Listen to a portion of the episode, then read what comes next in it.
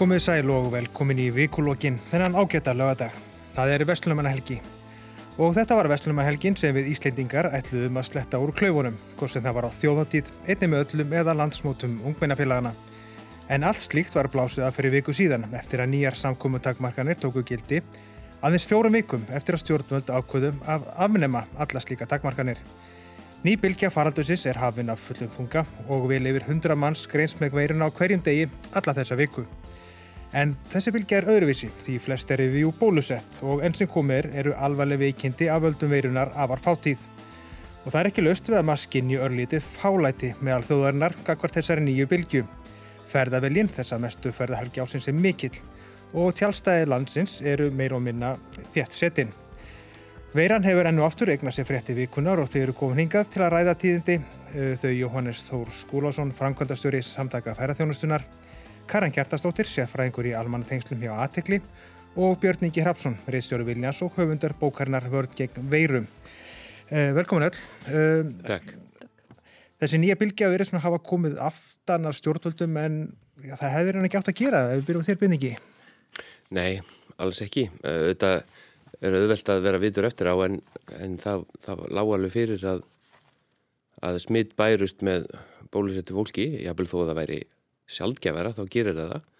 Þannig að þetta hefði ekki átt að koma neinum óvart en þetta er svona aðeins kraftmeira heldur en held ég að menn hafi átt von á og, og hérna við gáttum kannski ekki sagt okkur það fyrirfram að, að stæsta bylgjan væri í júli 2021 eh, með meir en 100 tilfellum á dag. Þetta er, þetta er svolítið skrítið og við erum á svona ákveðinu augustundu, eh, við erum stöttið einhverju tilraun þrátt fyrir þennan mikla fjölda þá er, þá er, þá er alveg veikindi en þá eh, frekar fá eh, þó að maður getur þetta ekki gert lítið úr einum einasta sem er veikur. En á næstu dögum ræðist að eh, hvernig þetta verður, hvernig þetta þróast.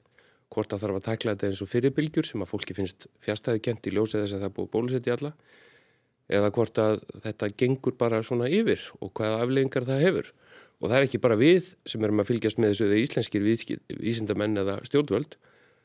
Erlendis eru líka aðra þjóðir að fylgjast með því hvernig þessi íslenska tilraun tekst til því að við erum með það hátt hlutall bólusetninga að, að aðra þjóðir munum vantilega marka sín viðbrú af því hvernig tekst til hjá okkur. Þannig að ég held að íslenska þjóðin sé stöndi meður tilraunaverkefni hvort sem er líkar það betur að vera. Karin, voru við að vanmeta þetta dalta afbreyði? Já, minnstakostu var væntingastjórnin hjá ríkistjórninni, hann er verið svo litið ábáta vant og ég alveg stóð með að því að fagna alveg rækilega og halda að maður væri raunverulega laus við grímuna og, og svona en, og það er kannski þess vegna þegar þetta fer aftur á stað sem við gátum alveg sagt okkur sjálf eins og Björningi segir að, að þetta, væri, þetta væri ekki búið. En af því það var stjórnmjöld töluð með þeim hætti, það var svo mikil byrta yfir og mikil bjart síni og bara okkur langaði svo mikið að fara bara í gang og byrja aðlilegt líf á ný með útiháttuðum og utanlandsferðum. Þá er þetta, vonbriðin óskaplega mikil en við skulum náttúrulega, það eru tvær nýjar leikil breytur í þessu. Það er að bóluefnin þau mynda ekki hjarðónami eins og við byggumst við, eins og við vonuðumst eftir en svo líka að við erum ekki að sjá þessi alvarlegu veikind núna sama, í sama mæli og þegar fólk var, eða þorrið þjóðarinnar var óbólusettur. Þannig vitanlega bræðustu við og erum að reyna að meta stöðuna en við vitum ekkert alveg hvað þetta þýðir og hvað er framöndan. En það er nú bara, við horfum bara á samfélagi, það er ekki eins og að séu mikla takmarkarinn gangi, við erum út um allt og höfum okkur bara eins og ekkert séu. Er það ekki Jónas? Jú, ég held að við höfum það nú eins og hinga til í faraldrinum tölvert betra heldur en margir aðrir í öðrum löndum sko. Og ég held að það sé nú eh, fyrst og fremst í margsum það bara hvernig sótvalnar í auðvöldum og stjórnvöldum hefur tekist í rauninni ótrúlega vel upp eh, þessa þetta undarfarið rúmta ár að, að halda þessu í skefjum og, og, og halda stjórn á þessum faraldri. Og þar hefur náttúrulega komið mjög vel og verið mjög mikilvægt að samfélagi hefur verið tilbúið að mestu leiti, skulum við segja, að fara eftir þeim tilmælum og regnum sem hafa verið sett og ég held að það sé nú akkurat núna, náttúrulega bara líkil atrið, ég, ég nefndi það nú ekkert tíma þegar þriðja bylgjan fór í gang var ekki ekkert tíma í kringum páska að, að þegar hún skoist á, á lofta að þá uh, að það skipti langt mestu máli uh, af hvernig við höguðum okkur hérna innanlands fekk nú bátt fyrir hjá ýmsum en það er náttúrulega það sem er að koma í náttúrulega ljós líka núna að, að það er það hvernig við högum okkur hér, hvort við förum eftir reglunum hvort við erum að fara að sækja fólk á flugvöllin og, og, og fleira þegar að fólk áfæri sótkví og, og annað eins og var þá eða, eða hvort við erum að að fara í, í, í bóð og annað þegar við kannski vitum að við hefum átt að skreppi skimun eða eitthvað slíkt. Það eru þessi hluti sem við þurfum að passa upp á og, og, og núna þurfum við náttúrulega að fara eftir því reglum sem eru og ég held kannski lærdómurinn af þessu núna er að, að, hérna, að við getum ekki eh, verið að lengur eins og hefur verið kannski svolítið gært á hinga til að stilla þessu upp svona sem einhvern veginn annars vegar landamæra takmörkunum og hins vegar innanlandstakmörkunum eins og, eins og var hérna síðallið haust þegar við höfum nú bara skellum við lása á landamærunum og þá getur við átt eðlilegt líf innanlands. Um, ég held að við verðum núna bara að horfast í hug við það að, að mögulega verðum við að, að taka næsta, næstu mánuði hugsanlega í einhvers konar balans á þessu tvennu hvar hann verður og, og hversu stránt við erum alltaf vonast til þess að verði lítið stránt en það verður bara komið ljós núna eins og þegar, eins og Björningi segir, tilurinn er í gangi og það kemur svolítið kannski út úr þenni hvað við getum gert. Svo erum við líka muna kannski að það er ekki allir bólusettir. Ég meina, sýstir mín er hjúgrunafræðingur, barnsafandi og því óbólusett mm. og, og na, mér finnst það mjög óþægileg tilhugsun að hún sé að heita þannig fólk alla daga á vögtum, sko, rauninni eins og ekki segja þegar sem ekki á, á, álag núna á heilbreyðskerfinu sem aldrei fyrr. Voru ekki svolítið að skjóta ykkur í fótinn með því að opna allt upp á gátt og þá sérstaklega landamærnum að því að við veitum að þar kemur veiran inn? Ja, það bara var ekki allt opnað upp á gátt, sko. Þetta er Þetta er nefnilega orðalag sem ég heyri bara ítrekkað uh, bæði í, í, í fjölmjölum hjá stjórnmálamönnum og fólki sem sendir mér reyðileg skilabóð á Facebook. Uh, sko það er ennþá lokað, sko harðlokað á bólus, óbólusett fólk. Það þarf að fara í þrjár skeimarnir og fimmdagas hótkví. Uh, bólusettir þurfa að koma með próf á landamærunum og þegar hægt var að skila bólu, skima bólusetta þá var það náttúrulega að, að ráðleggingu sótarnarleiknis e, það var ekki bara eitthvað svona ákvörðun Það er samt svona það er svona einf, einföldun á útgáfinu, það er það er engin spurning að Þórólur hefði viljað halda áfram skimunum, e, við réðum ekki við það Nei, nei, e, það er alveg rétt Það var komin flöskuháls í lefstöð vegna þess að, að það voru að koma miklu fleiri til landsins heldur mm. en hann hefði viljað og gert að ráð fyrir. Hann var búin að tala um að það væri cirka 2000-2300 hámarks afkast gett á dag. En síðan er það þannig að þegar við opnum landið bæði fyrir uh, Schengen-ríkjum og líka öðrum löndum eins og við gerðum og örðum í rauninni allt í að því leitum til opnasta þjóð Evrópu að þá auðvitað bara eh, flyktust ferðamenningað. Mm. Og ferðarþjónustan sjálf var ekki eins og tilbúin fyrir það, hún var ekki með mannskapið. Við sjáum öll á Facebooka það sem við það auglýsetti fólki út um allt mm -hmm. af því að það vantar fólk þannig innviðinu voru ekki klárir og það er þannig að í rauninni það eina sem þurfti uh, var það bara nýtt og nýtt flugfélag tilkynnti að þeir varu að hefja flug til Íslands Þannig, þannig hefði það samt alltaf verið þegar að bylgjan að ferðamönnum kæmi inn sko, Ég veit að en, það, það hefði alltaf tekið eitthvað tíma Það hefur ekki alltaf verið heimsfaraldur. Nei, en ég meina út úr aðstöðum ja, Og sko. það góða við, við það að búa á eigu uh, sem að nýtist vel við, við slíkar aðstæðu, þetta er auðvitað eitthvað sem enginn baðum, það er að hafa þessa skimun til þess að grýpa þá á landamörunum sem að e, þarf að grýpa og fram að fyrsta júli e, þá vorum við búin að grýpa tölverðan fjölda af delta afbreyð á landamörunum á þess að kæmist inn í landið. Eftir fyrsta júli er allt fullt af delta afbreyðum í landinu eins og við þekkjum og við munum all hvað við vorum þráttur allt glöð Eh, hérna í júni þegar öllu var aflétt og það mátti alveg færa raug fyrir þeirri aðgerð. Það voru það fá smitt að það réttlætti ekki harðar takmarkanir. Eh, hins vegar liggur alveg fyrir að við fluttum veiruna inn með þessum hætti. Eh, það kann að vera að það hefði verið talið nöðsynlegt í efnahanslegu tilliti. Ég ætla alls ekki að gera lítið úr því en við gerðum það. Við hleftum veirunni inn og þessu deltaafbryði sem er að gera allt vittlust út um allan heim og það er alveg klárt að núverandi aðgerðir 200 manna hámark og svo framvegs er ekki e, með neinum hætti nægilegt til þess að hveða þessa nýju bylgu í kútin þess vegna kemur ljósa næstu dögum hvort hún er talin hafa það alvarlega raukaverkanir að það þurfa að grípa til. Og, og ég held að það sé ótrúlega lítil stemning fyrir því hjá þjóðinni að fara aftur í harðar takmarkanir hvort sem það er einstaklingar eða fyrirtæki eða bara atvinnulífið í heilsinni þannig að þetta er mjög snúið og þá mun aftur minn Geri Jóhannes beinast aðtilinn á landamærunum. Það er bara áhjákvæmilegt vegna þess að, að þau eru að leka eins og staðinu núna í minnamæli eftir að PCR prófin tóku gildi og við erum, við erum að hérna Eh, sannarlega tölutnar þessa undanfattan dag að gera það verkum að við verðum raukt svæði hversu mikið sem það skiptir máli. E, og fólki finnst bínlítið að það sé svona ringlandi hjá ferðarþjónustinni því e, bæði að, að, að var kvartaði við því að þú sagðir að, að ríkistjónin ætti að standa við gefum lofvörð og standa í lappirna gangart sóttandalegni og síðan þegar smitthulutna fór að róast inn þá sagður við að það væri þetta mjög slemt að lenda á rauðum lista og, og Já, fólki sá... finnst þetta bara ekki passa þessar yfirlýsingar ykkar. Gefa þeir svirum Jóhannes til að svara þessu. Já, þetta standi í lappirnar komment var nú kannski hérna, óþarlega vond orðalag ég skal nú bara hérna, viðkjöna það en ekki kannski alveg það sem ég var að meina en, en hérna Og þú væri sko, stattur um sirkus Já, þetta var náttúrulega mjög skringilegu sirkus þegar að það sem ég ótti við með því og kannski koma inn á þetta eins og þú sagðir, minn kæri Björn að hérna grýpa þá sem að þarf að grýpa á landamærum. Eða að ræða þetta eins vegna þess að hverjir eru það sem sótvarnarleiknir segir að þurfi að grýpa á landamærunum? Hverjir eru það sem að sótvarnarleiknir hefur sagt bæði minnisblöðum og í fjölmjölum undarfarnar vikur í tengslum þessi nýju bylgu að raðgreiningin síni að smittin að delta afbreyðin í samfélagi núna meir rekja til. Það er Íslendingar og fólk sem býr hér í samfélaginu sem er á heimleið, ekki satt, er þetta ekki rétt hjá mér?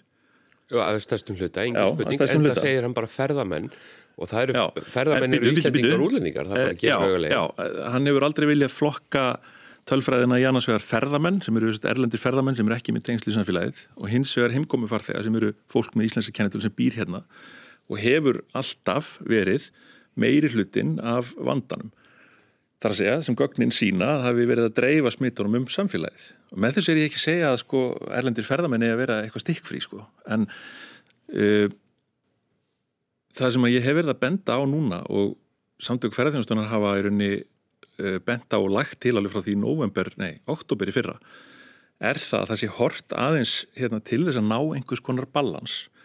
Að við horfum þá til þess sem að hefur verið benda á síðan þá að það erum við sjálf hérna sem búum í þessu samfélagi sem erum líklegust til þess að dreifa veirunni ef við komum með hana inn í gegnum landamærin. Það er náttúrulega frekar óvinnsælt, Jóhannes. Ég, þetta er mjög óvinnsælt viðhor og ég held ég að við aldrei fengið fengi jafn mikið læti í kringum þetta. En, en hvers vegna eru til dæmis fólk sem býri hér í samfélagin ekki sendi í, í uh, skimur á landamærunum þótt við þurfum kannski ekki að senda Mr. Smith og frá Brown Já. í það vegna Þó, það er minni áhægt. Þórólfur hefur lagt það til Já. og ríkistjónin hefur hafnað. Svo hefur nefnilega einmitt lagt þetta til. Og, og, hérna, og það var tekin áhætta og eftir á heikja er alveg klárt að við gerðum mistök með því að, að, að gera þetta svona bratt vegna þess að, að þessi nýja bylgi er algjörlega stjórnlausum þessar myndir, ég held að það mm. blasi við öllum. Við vitum hins vegar ekki hversu alvarlegar afleðingar það hefur og þá kemur kannski að hinnum stóra punktin í miðissu er það að bóluefnin hafa verið að valda ákveðnum vonbröðum.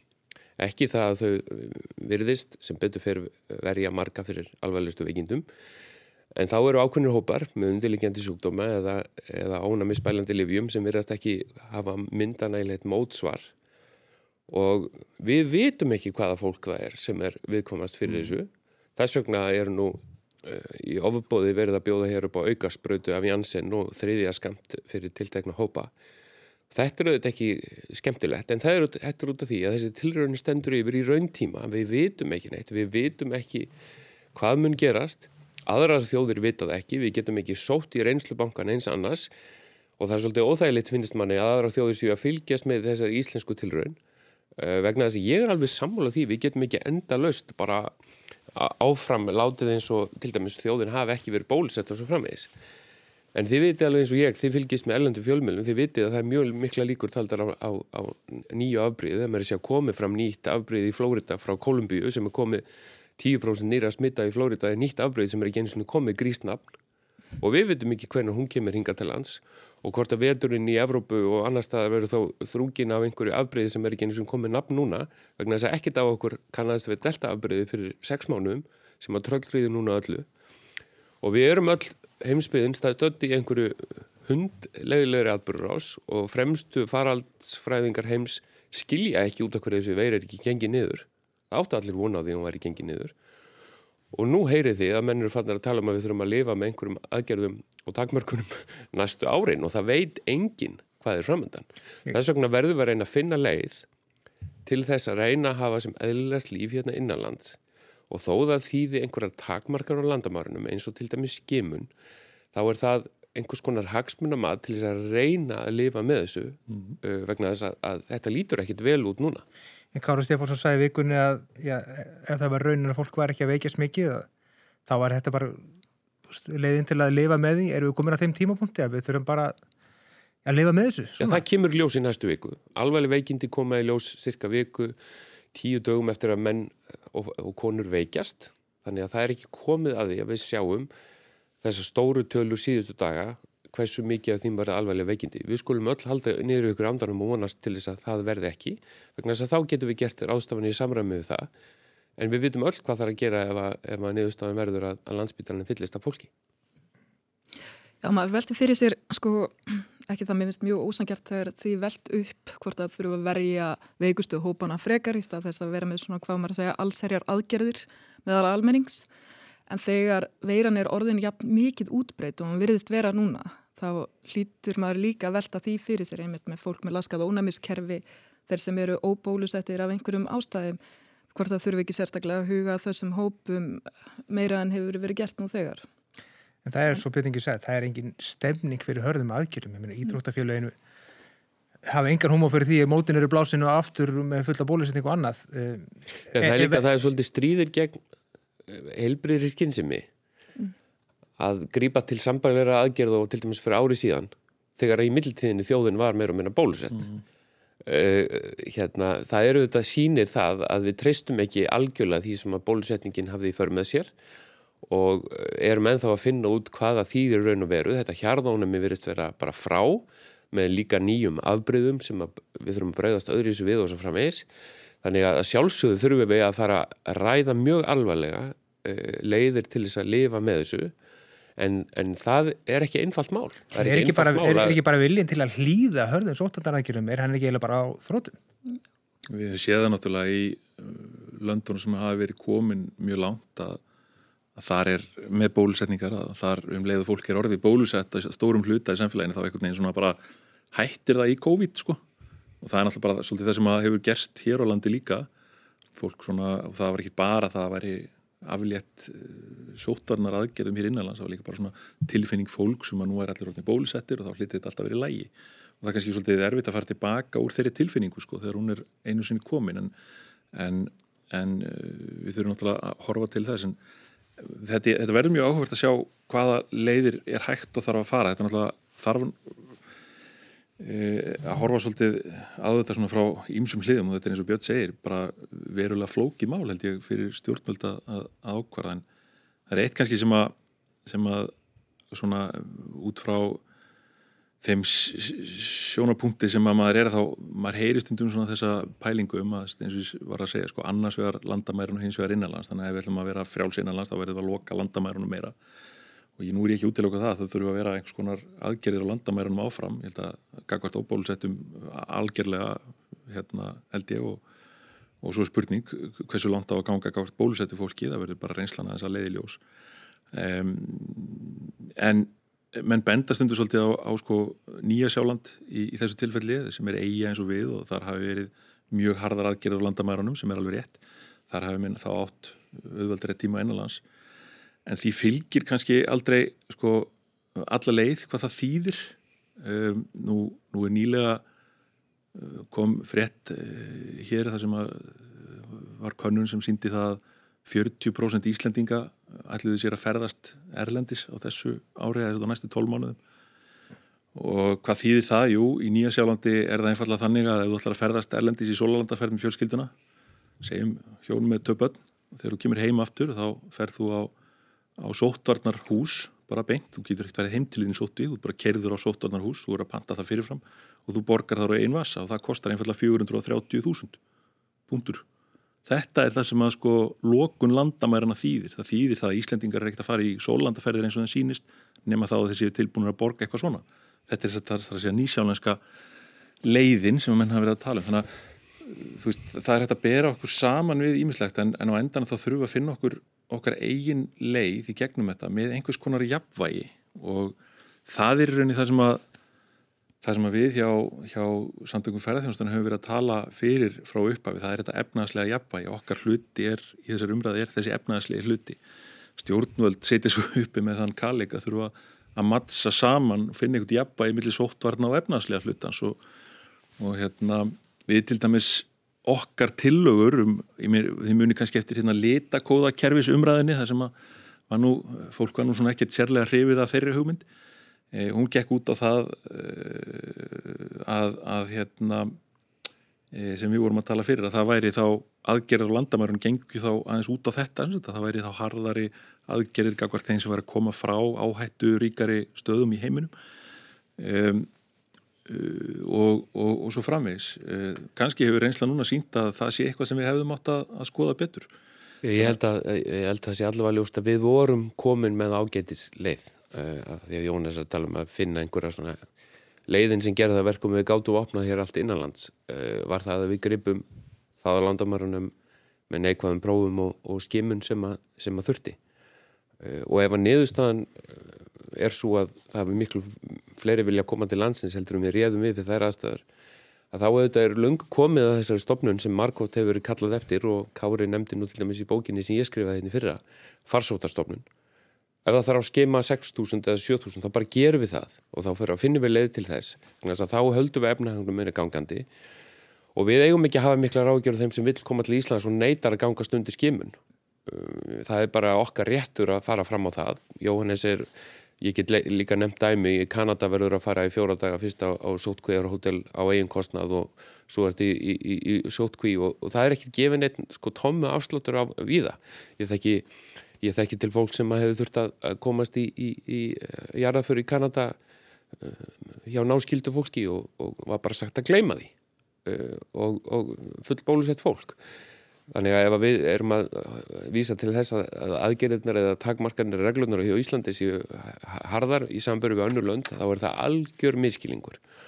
Við höfum einmitt farið mjög vel út úr þessu hinga til. Eh, ég ætla ekki að gera lítið úr efnahagslegum um, hamförum út af þessari, þessum faraldri en það baði engin um hennan faraldur og við ráðum ekki um hann á meðan hann er í gangi. En að mörguleiti hefur okkur tekist vel að, að fara einhvern veginn bilbækja í þessar umræðu uh, en ég er ekki að segja neinn lendamál þegar ég segja það að Þórólur og Alma og Kári hafa alltaf bent á að landamærin leka, við þurfum að passa það Ég vil gætnan að ferðarþjónustan blómstir hér uh, við réttar aðstæður og, og, en hún verður þá að, ég, meni, ég þekki fullt af fólki ferðarþjónustu sem að þólir ekki þegar bylgja eins og þess er í gangi og það er allir hættir um að eitthvað tilfelli kom upp og það þurfa að loka staðnum og allir að fara í sótkví. Þetta er staða sem enginn vil veri. Og kannski annað vandamál sem hefur vilt þessari bylgjum en kannski áttu þessi ekki á að nú erum við með farsótarhús sem er orðin yfir full og Rauðikrossin er í stökustu vandræði með ákveðna hópa eh, Fólk og svo í bílum. Já, einmitt eh, það var ekkert plan. Þetta var ekkert þetta var, þetta var þannig að, að og við náttúrulega, þetta er allt í bóði ríkisins. Mm. uh, þetta er bara ókipis gisting uh, og þetta var eitthvað átagsverkefni fyrst en síðan bara stækkar þetta með þessari rosalega bylgi og, og, og Gilvið Þorsteinsson hefur bara ekki undan okkar gamlega vinnufélagi það er ekki undan að, að, að taka nýjir rými í nótkun þannig að, að hérna, þannig að þetta þetta blasir við að er einhver, einhver förðuleg staða. Og, og, og ég er ekki við sem að ferðarþjónustan heldur finnist eðlilegt einhvern veginn að það á vegum ríkisins ég bara endalust að kalla eftir nýju gistirími og ókjöpis, það er engin að kaupa þá Nei, og, og það var ekki hann að heyra honum en að hann hefði, hann bara fengi ekki svör frá yfirvöldum hvað þetta gera næst. Hann verður ekki náinn er þetta ekki eitthvað, eitthvað galin afstæði sem það er að snú út af? Jú, þetta sumarfrí hefur náttúrulega verið þarna, mjög sérstakt þarna, í svona kannski aðkallandi aðstæðum, vitanlega veit maður að fólk verður að komast í sumarfrí en það hefur svona, mann finnst að hafa leið mikið á í þannig svona sterkum viðbröðum og taland um það að þetta sé endurgjaldslaust ef þú þarfst að sofa í bílum þínum eða verið í ykkur herbyggi sem hálf gluggalust og svalalust ég þannig að kosti ef ég ætla að borga fyrir eitthvað þá er ég til að hafa betra val en það Jú, jú, nei, ég, ég bara sést, bend á það og, og, og eitt af því sem við höfum rætt oft, það er það að pólitíkin hefur svolítið skilað auðu bladi hvað þetta þýðir allt saman. Úlvar Steindósson fórstur tóita og stjórnarformaður fyrirhandi núna var að hætta sem stjórnarformaður Íslandera var einmitt að segja sko tilgjóðs allavega að kjósa í haust ef það er bara þessar embatsmenn sem ráða og nú þekk ég vel til þessar embatsmenn að þeir hafa engan áhuga á því að ráða þessu öllu saman. Þórólfur er að koma með sínar tilugur byggðar á sinni sérfræði þekkingu og þeir eru einslu sem við erum afláð okkur en hann á endanum ekki ákveða hvað gerist. Það eru stjórnvöld sem að þurfa að ákveða það. Hann hefur náttúrulega líka útskýrt það að hann er að taka sínar ákveðanir og koma með sínar ráðleggingar á þeim fórsendum. Hann er að taka þær algjörlega út frá só, sótvarna. Sem hann á að gera, alveg um samkvæm. En hinn þurfa að horfa til frekar í þáttar. En það sem þetta er náttúrulega pínu áhugavert að fylgjast með ríkistjórninni sko þegar, þegar flokkarnir eru að hegða sér eins og þeir sé í stjórnarandstöðu þegar þeir eru á móti þeim ákvörðunum sem hafa verið teknar. Þetta er alltaf ábyrðalust. Já, hérna yfirlýsing áslugar, hún, hún, hún sagðist ekki hafa greitt, eh, semst, hafa lagst gegn því og hún væri ósammála þessari ákvörðun eða, eða væri ekki sammála því að herða aðgerðinur á landamárunum. Hún er dónsmálaráður, hún er aðeins til yfirmar almannavarna, þetta er auðvitað merkileg yfirlýsing. Þetta er mjög merkileg yfirlýsing, það er komin stjórnar anstæði ríkistjórninni. Er það ekki bara merki um heilbreyða stjórnmálarlega umræðu að, að fólk sé tilbúið að koma út og, og, Jú, og svona gagsæði sem að tala eftir. Alveg er ég vissum það Alveg er ég vissum það, Jóhannes að þú sem fyrirhandi ástofum að fórsættisráðura sem er líka starf sem ég hef gengt að við hefum ekki haft sama skilningin nei, nei, en, á slíkum umhverfum sem þekni samfélaginu finnst mér þetta að vera bara mjög áhugavert. En það sem mér finnst ríkistjóðin hafa gert í rauninni vel er að þrátt fyrir að það hafi augljóslega ekki verið fullkomlega fullkomin eining um allt sem er gert alveg eins og bara í öllum herbergjum þar sem þú, þú veist, hrúar til tólmanns inni sko, að þá hefur þeim tekist ótrúlega vel að koma út úr herberginu með eina ákvörðun sem að þau hafa staðið saman um. Og það er ekkit auðvelt í svona aðstæðum mánuð eftir mánuð eftir mánuð sko. Alls ekki. Og, og ríkistjónin hefur bara staðið sér vel í þessu. Það sem að gerist núna er það hins vegar að, að hérna, þegar að öllu var aflétt hérna í júni og ríkistjóðin sagði að COVID var í búið. Mm. takmarka löst sumar, við höfum ekki gleyma vendingarstjóðuninni mm. og, Þórólur óskaði fólki góðrar þjóðatíðar Þannig ef að Katrín hefði gert eins og Bjarni vildi og haft kostningarnar í vor eh, í maður-júni, þá hefði ríkistjóðin fengið mjög glæsilegan sigur, það er engin spurningu um það. Einu-tvei mánuðu setna getur staðan verið gjörbreytt. Já, einmitt eins og við vorum að tala um þess að vendingarstjórnum strax í upphafi. Þannig að vonbreiðin eru meiri að því við vorum þeim um kátari eftir þessar yfirlýsingar En ég þarna, hef mikið hugsað um það sko, þessi viðbröð ríkistjórnarinnar. Þarna, þau hafa staðið sig í það heila alveg ofsalega vel og ég meina hún var stopnuð utanum stöðuleika frekar en eitthvað annað.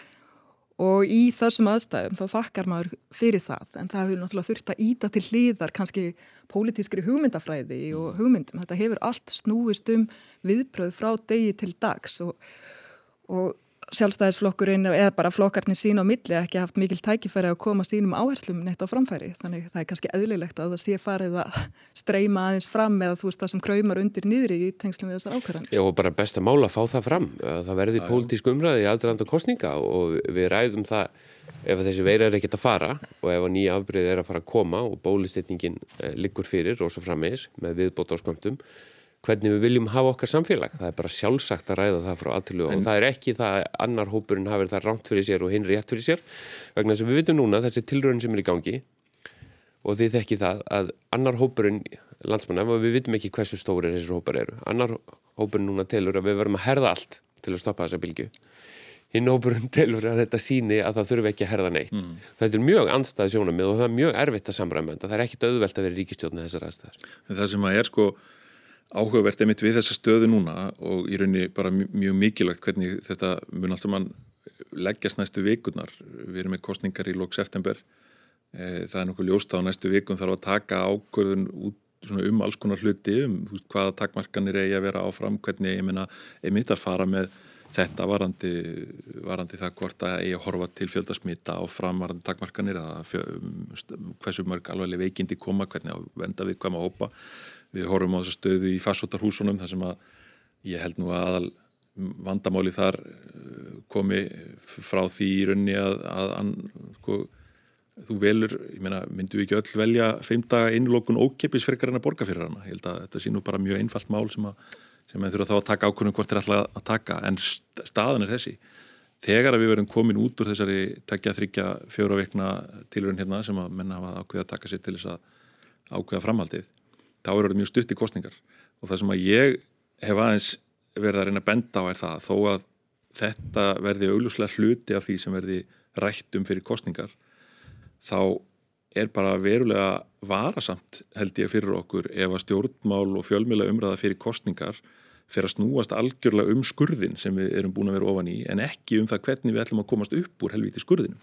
Vegna þess að við höfum séð það alveg í öðrum löndum í kringum okkur hvernig stjórnmála umræða verður þegar hún fyrir að snúast fyrir kostningar um bara COVID og COVID og ekkert annað þá fara alls konar smáatriði að að eh, yfirtaka umræðuna og trubla hérna líraðslu umræðu sem þarf að eiga sér staðum það hvernig við viljum bæta samfélagið og hvernig þarf að takast á við alls konar samfélagslega verkefni sem eru bara ekki tengt þessum faraldri. Akkurat, ég held að það sé mjög marga að fara að þyrsta í bara svona almenna pólitíska umræðu. Það er bara mjög mikilvægt að hún muni eiga sér stað. Það er einmitt heppilegt að hér eru þrýr aðila sem hafa mikla reynslu af pólitíski strategíu bara svona ef við förum inn í kostningar þetta er mjög vandarsamt, það er engi stemning fyrir einhverju svona algjöru frelsi og engi stemning fyrir að opna Já, væntalega nema hjá nýja flokknum sem er að koma sem að já, já. er á móti sótvarnar aðgerðum per sér. Og það er heldur engi stemning fyrir að loka öllu. Hvernig myndir þið bara leggja upp? Hvernig eiga flokkarnir að fóta sér í þessu umhverfi? Er þetta ekki eins og allt í Norðurlöndum, þriðja leiðin, finna einhvern gullin miðalveg?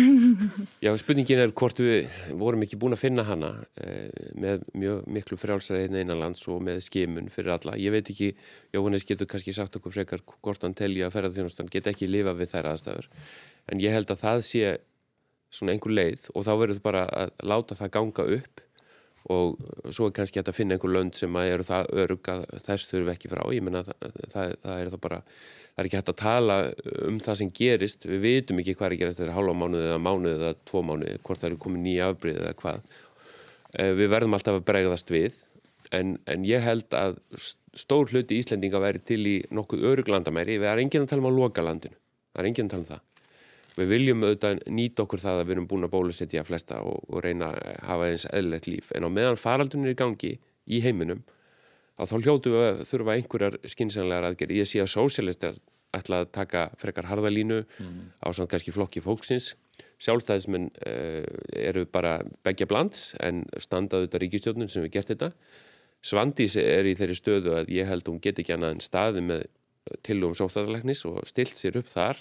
Það sé líka hennar styrkur og fórstættisráðarnas, Katrín Ejakófsdóttur og uh, þetta held ég að verði uh, svolítið sko, ég, ég veit ekki hvort að það er mikil stemning fyrir þessum nýja sótarnarflokki. Sigurður Andersson var með þessi ákunnu skilabóð til dæmis í sinni prókjósbaráttu og henni gekk ekki vel. Já, það er nefnilega, þetta er ekkit annarkvört eða eins og mm. kannski svo, þú veist, sömur tala að ef við lókum landinu algjörlega þá getum við lifað eðlilegu lífi hérna innanlands, verið með druslugönguna og farið á þjóðháttíð og haldið okkar brúðkaup og allt verður eðlilegt.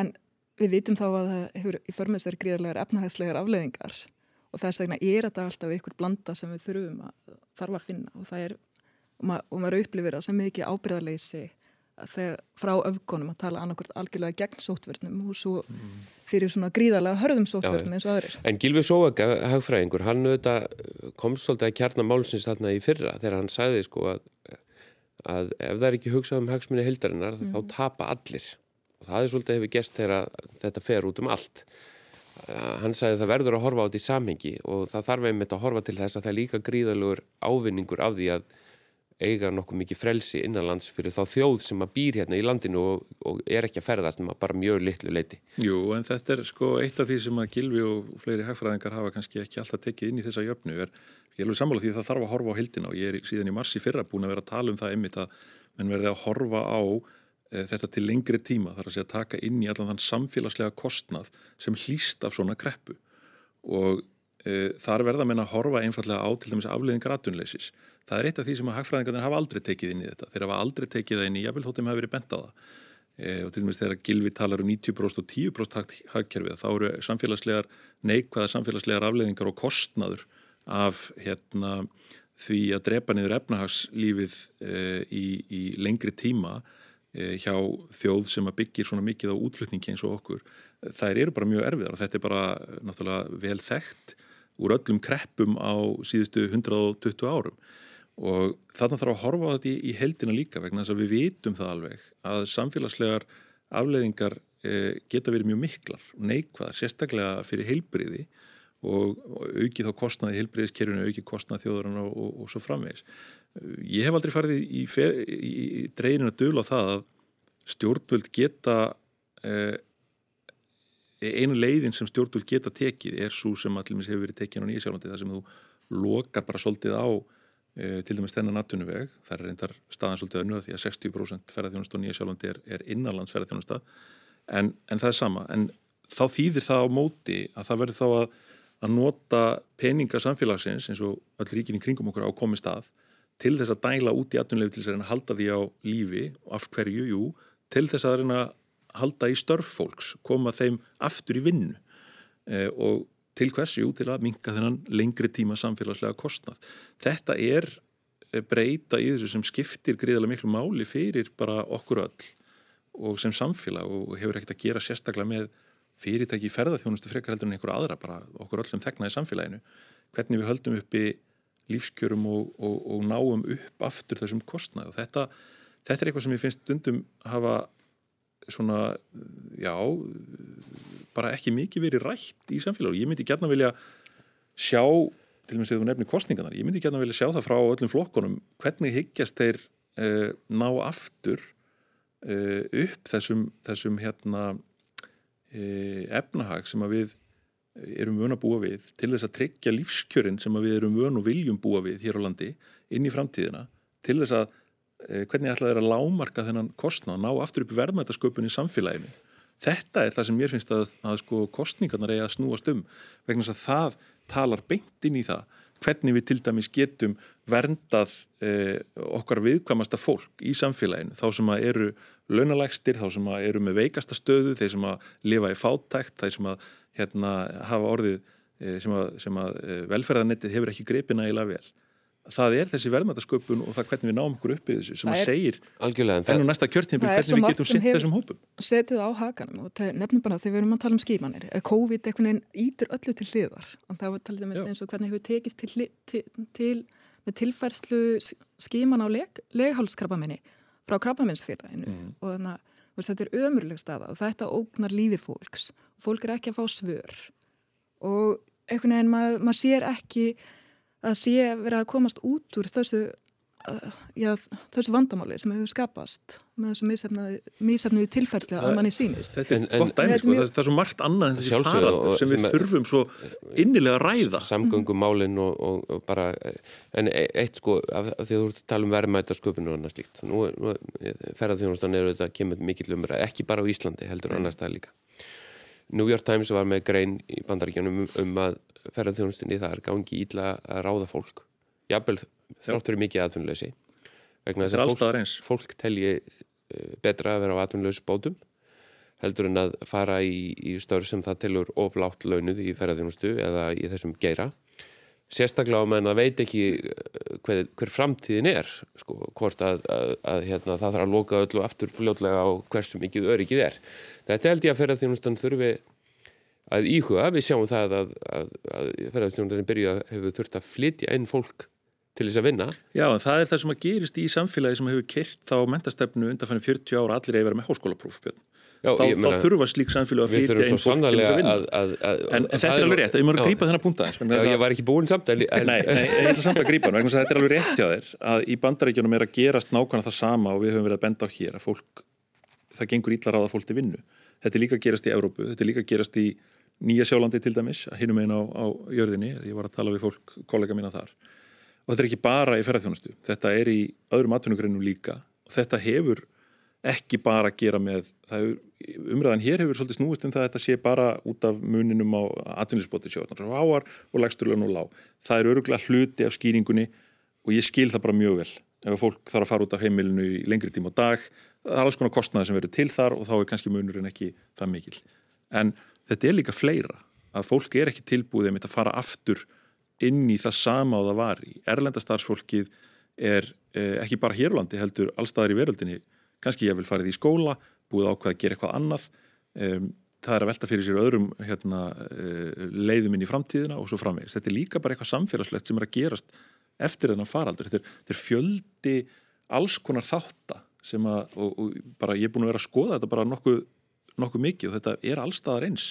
Þetta er mjög sérstat og ég held að þetta sé svona eitthvað faraldurslegt enginni, ekki það, bara hér, þetta er einhvern svona samfélags En það sem er áhugavert er það að, að, stað, að við tölum um þegar allt var hér lokað og, þegar gekk sem vest á hérna síðsliðinu vettur og þá töluðum margir um að við þurftum að læra af þessu að, mm. að svona óbreytt ferðarþjónusta hefur orðin á stór hluti af þessu og við höfum kannski fókusan meira á magn ferðarmanna, bara reynda að fá eins marga til landsins í staðan fyrir að velta fyrir okkur hvernig við vildum marka að setja Íslands til þess að fá kannski betur borgandi ferðamenn og fengi mér úr því. Við erum bara við... ákváðum þetta ekki, þetta var gerðist. Nei, já, vantilega... Um leið og við fórum að pæli því hvernig við ætlum að hafa þetta, þá ákváðum við saman 2019 að fara einmitt. Já, ég ætla... Dag er allir sammálum að við viljum verða með þetta ferðamenn. Já, velta fyrir mér er sko, með því sem gerðist núna síðan síðustu vikur er það að það bara fjölgaði og fjölgaði flugfélögum sem ákvaði að koma til Íslands og við vorum aftur og komin á þann stað að þegar ferðið þjónustan eh, upplýðu það að það mæntaði fólk til þess að afgreða það, verði að reyna að opna herbyrgi, það er vöru skortir í veslinum af því að það eru hillur tómar eh, erum við aftur að lenda í því að gera sum mistökinn. Þetta er mjög áhugaverð pæling. Ferðarmennin sem er að koma í dag, þeir eru tvisa til þrís og sínum verðmættari heldur en ferðarmennin sem komið 2019 og það er, það er gott en, en, en ég held að þetta geti haft slæmar afleggingar svona þegar ég horfi á þetta þú veist að vera að taka á móti of mikið ferða, ferðamennum án þess að vera reyðubúin til þess. Eh, ég bara að því, að því ég gerðist svo djörf að fara til Sólarlanda núna í sumar þá valdi ég áfangastæðir bara út frá því þannig hver, hvernig eru smitum hátað á svæðinu og hversu sterkur, sterkir eru innviðinir til að taka móti ferðamennum og þá einhvern veginn enda maður auðvitað bara á spáni eh, í Alicante sem var þá grænt svæði og bara með ótrúlega góða reynslu af því að taka móti ferðamennum þarna, áratugum saman. Og þarna, en á sama tíma þá reyfiði upp ferð mína til Svartfjallalands 2019 já, sem er svona fáment land með gríðarlega fallega náttúru svipað á Ísland og það, það er mikið skemmtifærðarskipum og það var bara, það var ekki skemmtilegu upplifun að þau réði ekkert við þetta. Maður náði ekkert að njóta þegar maður var svona hálfpartin fyrir, fekk ekki þó þjónustu sem maður vildi. Og ég er ekkert á leiðinni alveg aftur strax. Þannig mm. en þannig, þannig ég hugsa þó ég heyri fréttir af því sem hefur verið að gerast hérna á Íslandi. Þetta er ekki, svona, þetta er ekki endilega til þess fallið að skapa verðmætt orðspór Ég held sko Íslandingar séu alls ekki eh, andsnúnir ferðarþjónustu bara alls ekki. Og við föttum öll eh, hversu mikilvæg hún er fyrir eh, þjóðarsamhengi en ég held að við, við teljum öll að það sé að gera betur í því og það sé ekki endilega markmið að fylla hér allt af fólki sem að kaupir eh, mjög ódýrar ferðir og ætlar ekki að eða miklum peningum hérna og kemur jábel með eins og við, ég kerir nú bara framhjáðan á einhvern rútum það sem að sko á landmannalögum það sem að, það er bara greinlega útlensk rúta með niðursöðu dósir og það er allt nestað og, og, og, þetta er ekki skil okkur, okkur mjög miklu sko. Nei, en, en þetta er fram að ferða á þjónustan er frábær og hefur gert Ísland miklu skemmtilegri Jóhannes, er ekki svolítið aðeins Nei, ég, ég, ég, ég bara, er bara ekki að sammála þessu vegna þess að hérna, við fórum í mjög mikla uh, stefnumörkun 2019 sem að síðan hefur nú þurft að taka pás út á þessum faraldri þar að segja aðgerðabundi hlutinafini en það var sett fram framtíðasín og leiðaljós fyrir Ísland í ferðarþjónustu næstu tíu árin til 2030 líkilatriði þar er einmitt uh, gæði umfram fjölda. Það eru allir sammála um þetta. Um, og ég held að, að hérna, við verðum að horfa á það sko, fólk hefur segið komi núna fram svona svolítið mitt með þessi skilja, við, við hérna meðum ekki færi í sama farið og, og var. Þetta er umræða sem er ekkert að eiga sér stað bara á Íslandi heldur líka mörgum öðrum stöðum.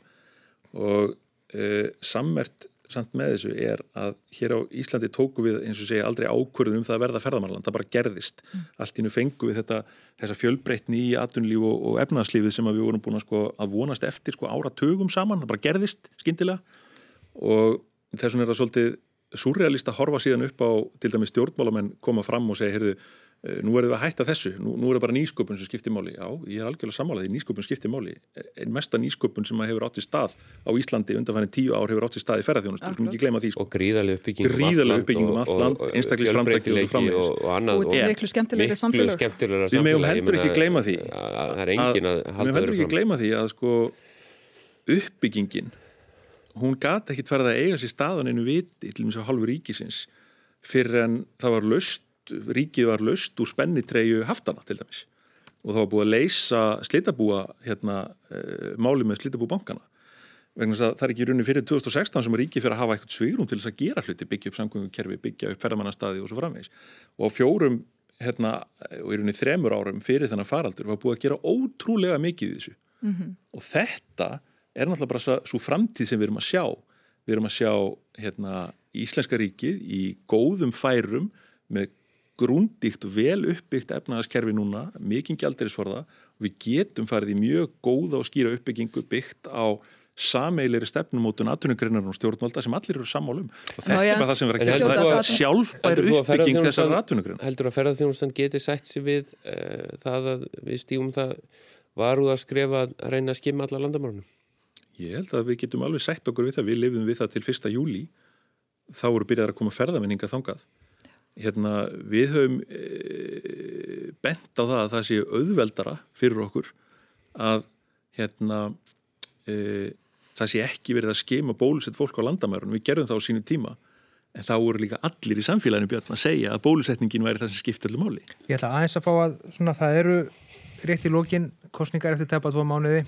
Um, Þjóðbúls Gallup sem byrtist í gær sín er að Ríkistöndin er með örga meira hluta uh, mjög þess að kostninga verða bara í rauninni bara atkvæða kreist um það hvernig Ríkistöndin hefur staðið sig? Öðrum þræði verður hún það. Þessi könnun uh, er auðvitað tekin yfir mánuð. Punktkannanir sem hafa voru teknar síðustu daga sína fallandi fylgir ríkistjónunina sem ég held að tengist þessum faraldri Gallup tekur yfir lengra tíumbil það er mjög fróðlegt að sjá uh, hvort að hún er jafn sterk ríkistjónin hún hefur auðvitað mælst mjög vinsæl mjög vinsæl heldur um flokkarnir sem að henni standa. Þannig að það er mjög aðtiklisvert að velta fyrir sig hversu miklu málið þetta skiptir.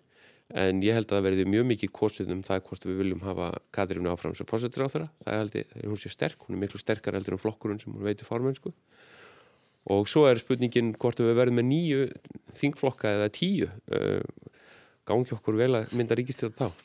Karin Já, sko, þetta er náttúrulega þessi kannanir eru náttúrulega samkvæmisleikur og ég held bara að byrja á að segja ég held að þessi ríkistjórn muni halda velli. En svona ef við leikum okkur aðeins með möguleikana í stöðunni að því fylgið er líka á hreyfingu núna eins og Björn bendir á og það er, eru mikil vonbreyði og maður sér það núna kannski líka á niðurstöðum síðustu kannana, kannunar þá held ég til dæmis að framsók eigi smá möguleika á því að nikla vöðvanáttóldi rækilega núna næstunni og til vinstri, að ég meina sko að því Katrín og Bjarni hafa mikið komið fram saman sem svona hálfgerðu duett og einhvern veginn segur, maður gleymir framsókn sem þriðja ríkistjórnarfloknum og þau geta skapa sér vissa stöðu.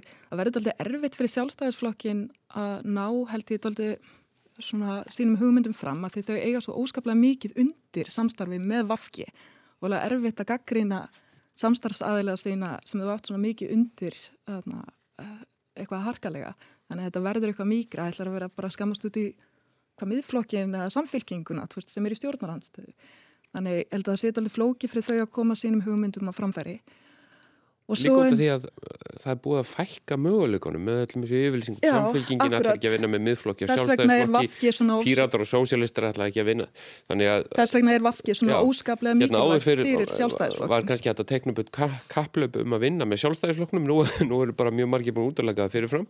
Þannig að þetta er svolítið þannig að Katrin ræður því, þetta að því gefnu hvert fylgi verður, hvort að hér verður ríkistjórn í andar reykjaugur eru hlutans eða, eða óbreytt. Þetta er svolítið ný staða því að Íslandi hefur þetta verið við kjósum með fyrir ára frestu og sjálfstæðarflokkunum fyrir ríkistjórn. Mm. En nú er þetta alltaf náttúrulega þannig að við kjósum og þetta veldur á Katrin Jakobsdóttir. Þetta er eh, eins og Ólafur Þótt Harðarsson nefndi það nú hérna í Vítali fyrir nokkru dögum eh, svona einna mest spennandi kostningar sem að mann eftir síðust árum. Það er að segja, það er erfitt að sjá hvað hvað gerist þetta með hvort ríkistjórn heldur velli sveiplast í könnunum dag frá degi og millir mismunandi könnunræðila ég horfi nú svolítið á þetta þannig að fyrst og fremst að, að sko ég held að ef að þessar kostningar og umræðan fyrir þær uh, kostninga um, stefnur flokkana og, og svo framvegis umræðu þættir í, í, í sjónvarpi, útvarpi og, og fleira munu fyrst og fremst snúast um hvernig ríkistjórninni hefur tekist eða ekki tekist að glíma við þennan faraldur hinga til eða hvaða uh, farsóttarpælingar hafi tekist vel að illa þá uh, verða þetta algjörlega missefnaða kostningar fyrir Íslands samfélag. Eh, það líkur bara algjörlega fyrir að mínum mati vegna þess að það sem við verðum að horfa á inn í þessar kostningar og það sem að ríkistjórnarflokkarnir og stjórnarnastöðuflokkarnir verða að segja okkur fyrir þessar kostningar sem þegnum í þessu samfélagi eh, eins og fyrir allar kostningar.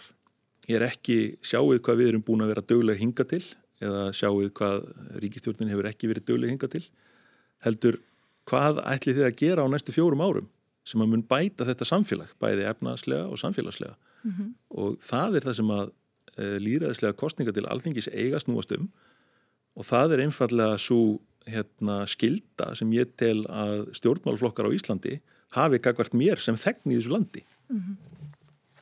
En þetta er, sko, að því núna halda til að með heldur vafki utanum að ráðunni til heilbreyðismála og umhverfismála sem eru bara lang mest aðkallandi þættir bara í íslensku samfélagi. Mm. að mann er bara, þú veist, hækkandi aldur þjóðarinnar færi sem bara og dýrar á heilbreyðiskerfi hvað, hvað ætlum við að gera, ég veit að sjálfstæðisflokkurinn hefur talað fyrir ykkurum hugmyndum um nýsköpun og það er kró, kræmandi óanæja með áherslur vafki í heilbreyðismálum og svo umhverfismál sem ég meina hvort sem okkur líkar betur að verð þá eru bara allar þjóðir heimsins búin að skuldbinda sig með einum eða öðrum hætti að takast á við þau vandamál En sko, því ég bara er að tala um stöðu sjálfstæðisflokksins, þetta eru, þetta eru mál sem þau hafa lítið komið eða látið sér varða. Ég meina, umhverfisráðuniti var svona lengi bara svona dúlurráðuniti að manni fannst, en manni finnst einhvern veginn hugmyndafræði stjórnmálana í dag liggja akkurat í þessar áttir. Þannig að væri, það vantar eiginlega hugmyndir. Svona. Vantar hugmyndir, en það, það, það, það er áhugavert sko þetta Sigmundur Davíð áttur að koma með sín úr spilvegum að sjá hvernig Gunnar Smári, hvernig hann markerar þessu kostningabáratu ef að til dæmis sjálfstæðismenn og kannski samfélkingin eða einhverju ráðast á hann af því að þeir telja sér keppnum atkvæði þá getur hann grætt á því líka mm -hmm. af því að nýrflokkur sem er að kynast þetta legs, hann þarf fyrst og fremst mínótur í umræðinni með einum með öðrum hætti maður veit ekki hversu mikið verður hægt að tala um höfbunda pólitík uh, það fer eftir þessum faraldri. Uh, við vitum það bara núna við værum auðvitað að halda eðlilegri vestlunmannahelgi ef, ef við hefðum haldið áfram að skima. Það væri meira frálsæði, nú er Jóhannes Stór búin að segja það að ferðarþjónustan gæti lifað við það, ég held að mjög margir á vettfangi stjórnmálana í ríkistjórninu og annar staðar muni velta fyrir sér hvernig getum kynnt eitthvað plan. Hvernig ætlum við að auka skimunargetuna? Við hefum ekki, ekki tekist að gera það en einu marki undan farin 15 mánu, ég er alveg sammálað það er skimunargetan sem skiptir öllu máli en, en hvernig ætlum við þó að auka hana, Þa, það er likil þátturinn í þessu, við, það er ekki hægt að byrja að skima allar bólusetta fyrir við aukum skimunargetuna Við hljótum að, að það er bara staðan. þurfa að,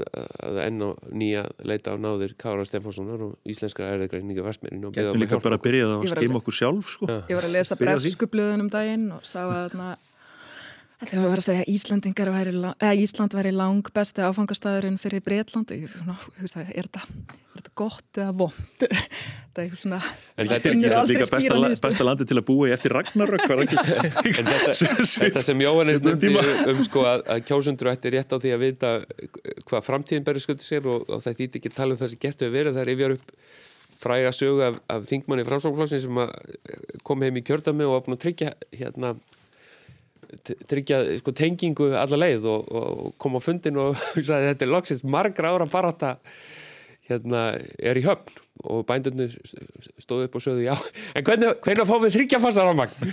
Þeir hefðu bara engan áhugaði að heyra hvað væri búið að gera, hvað væri framöndan og það skiptir auðvitað okkur öll mál, það, það verður kannski ekki auðvelt að, að, að tala um eitthvað annað, held að bara rétt á hann við slá botnin í þetta. Jóhannes, ég ætla að fá fara þér bara já, við erum appisnugul á sót, kortið sótarnsar með Európu verðum líklega strauð í næstu viku.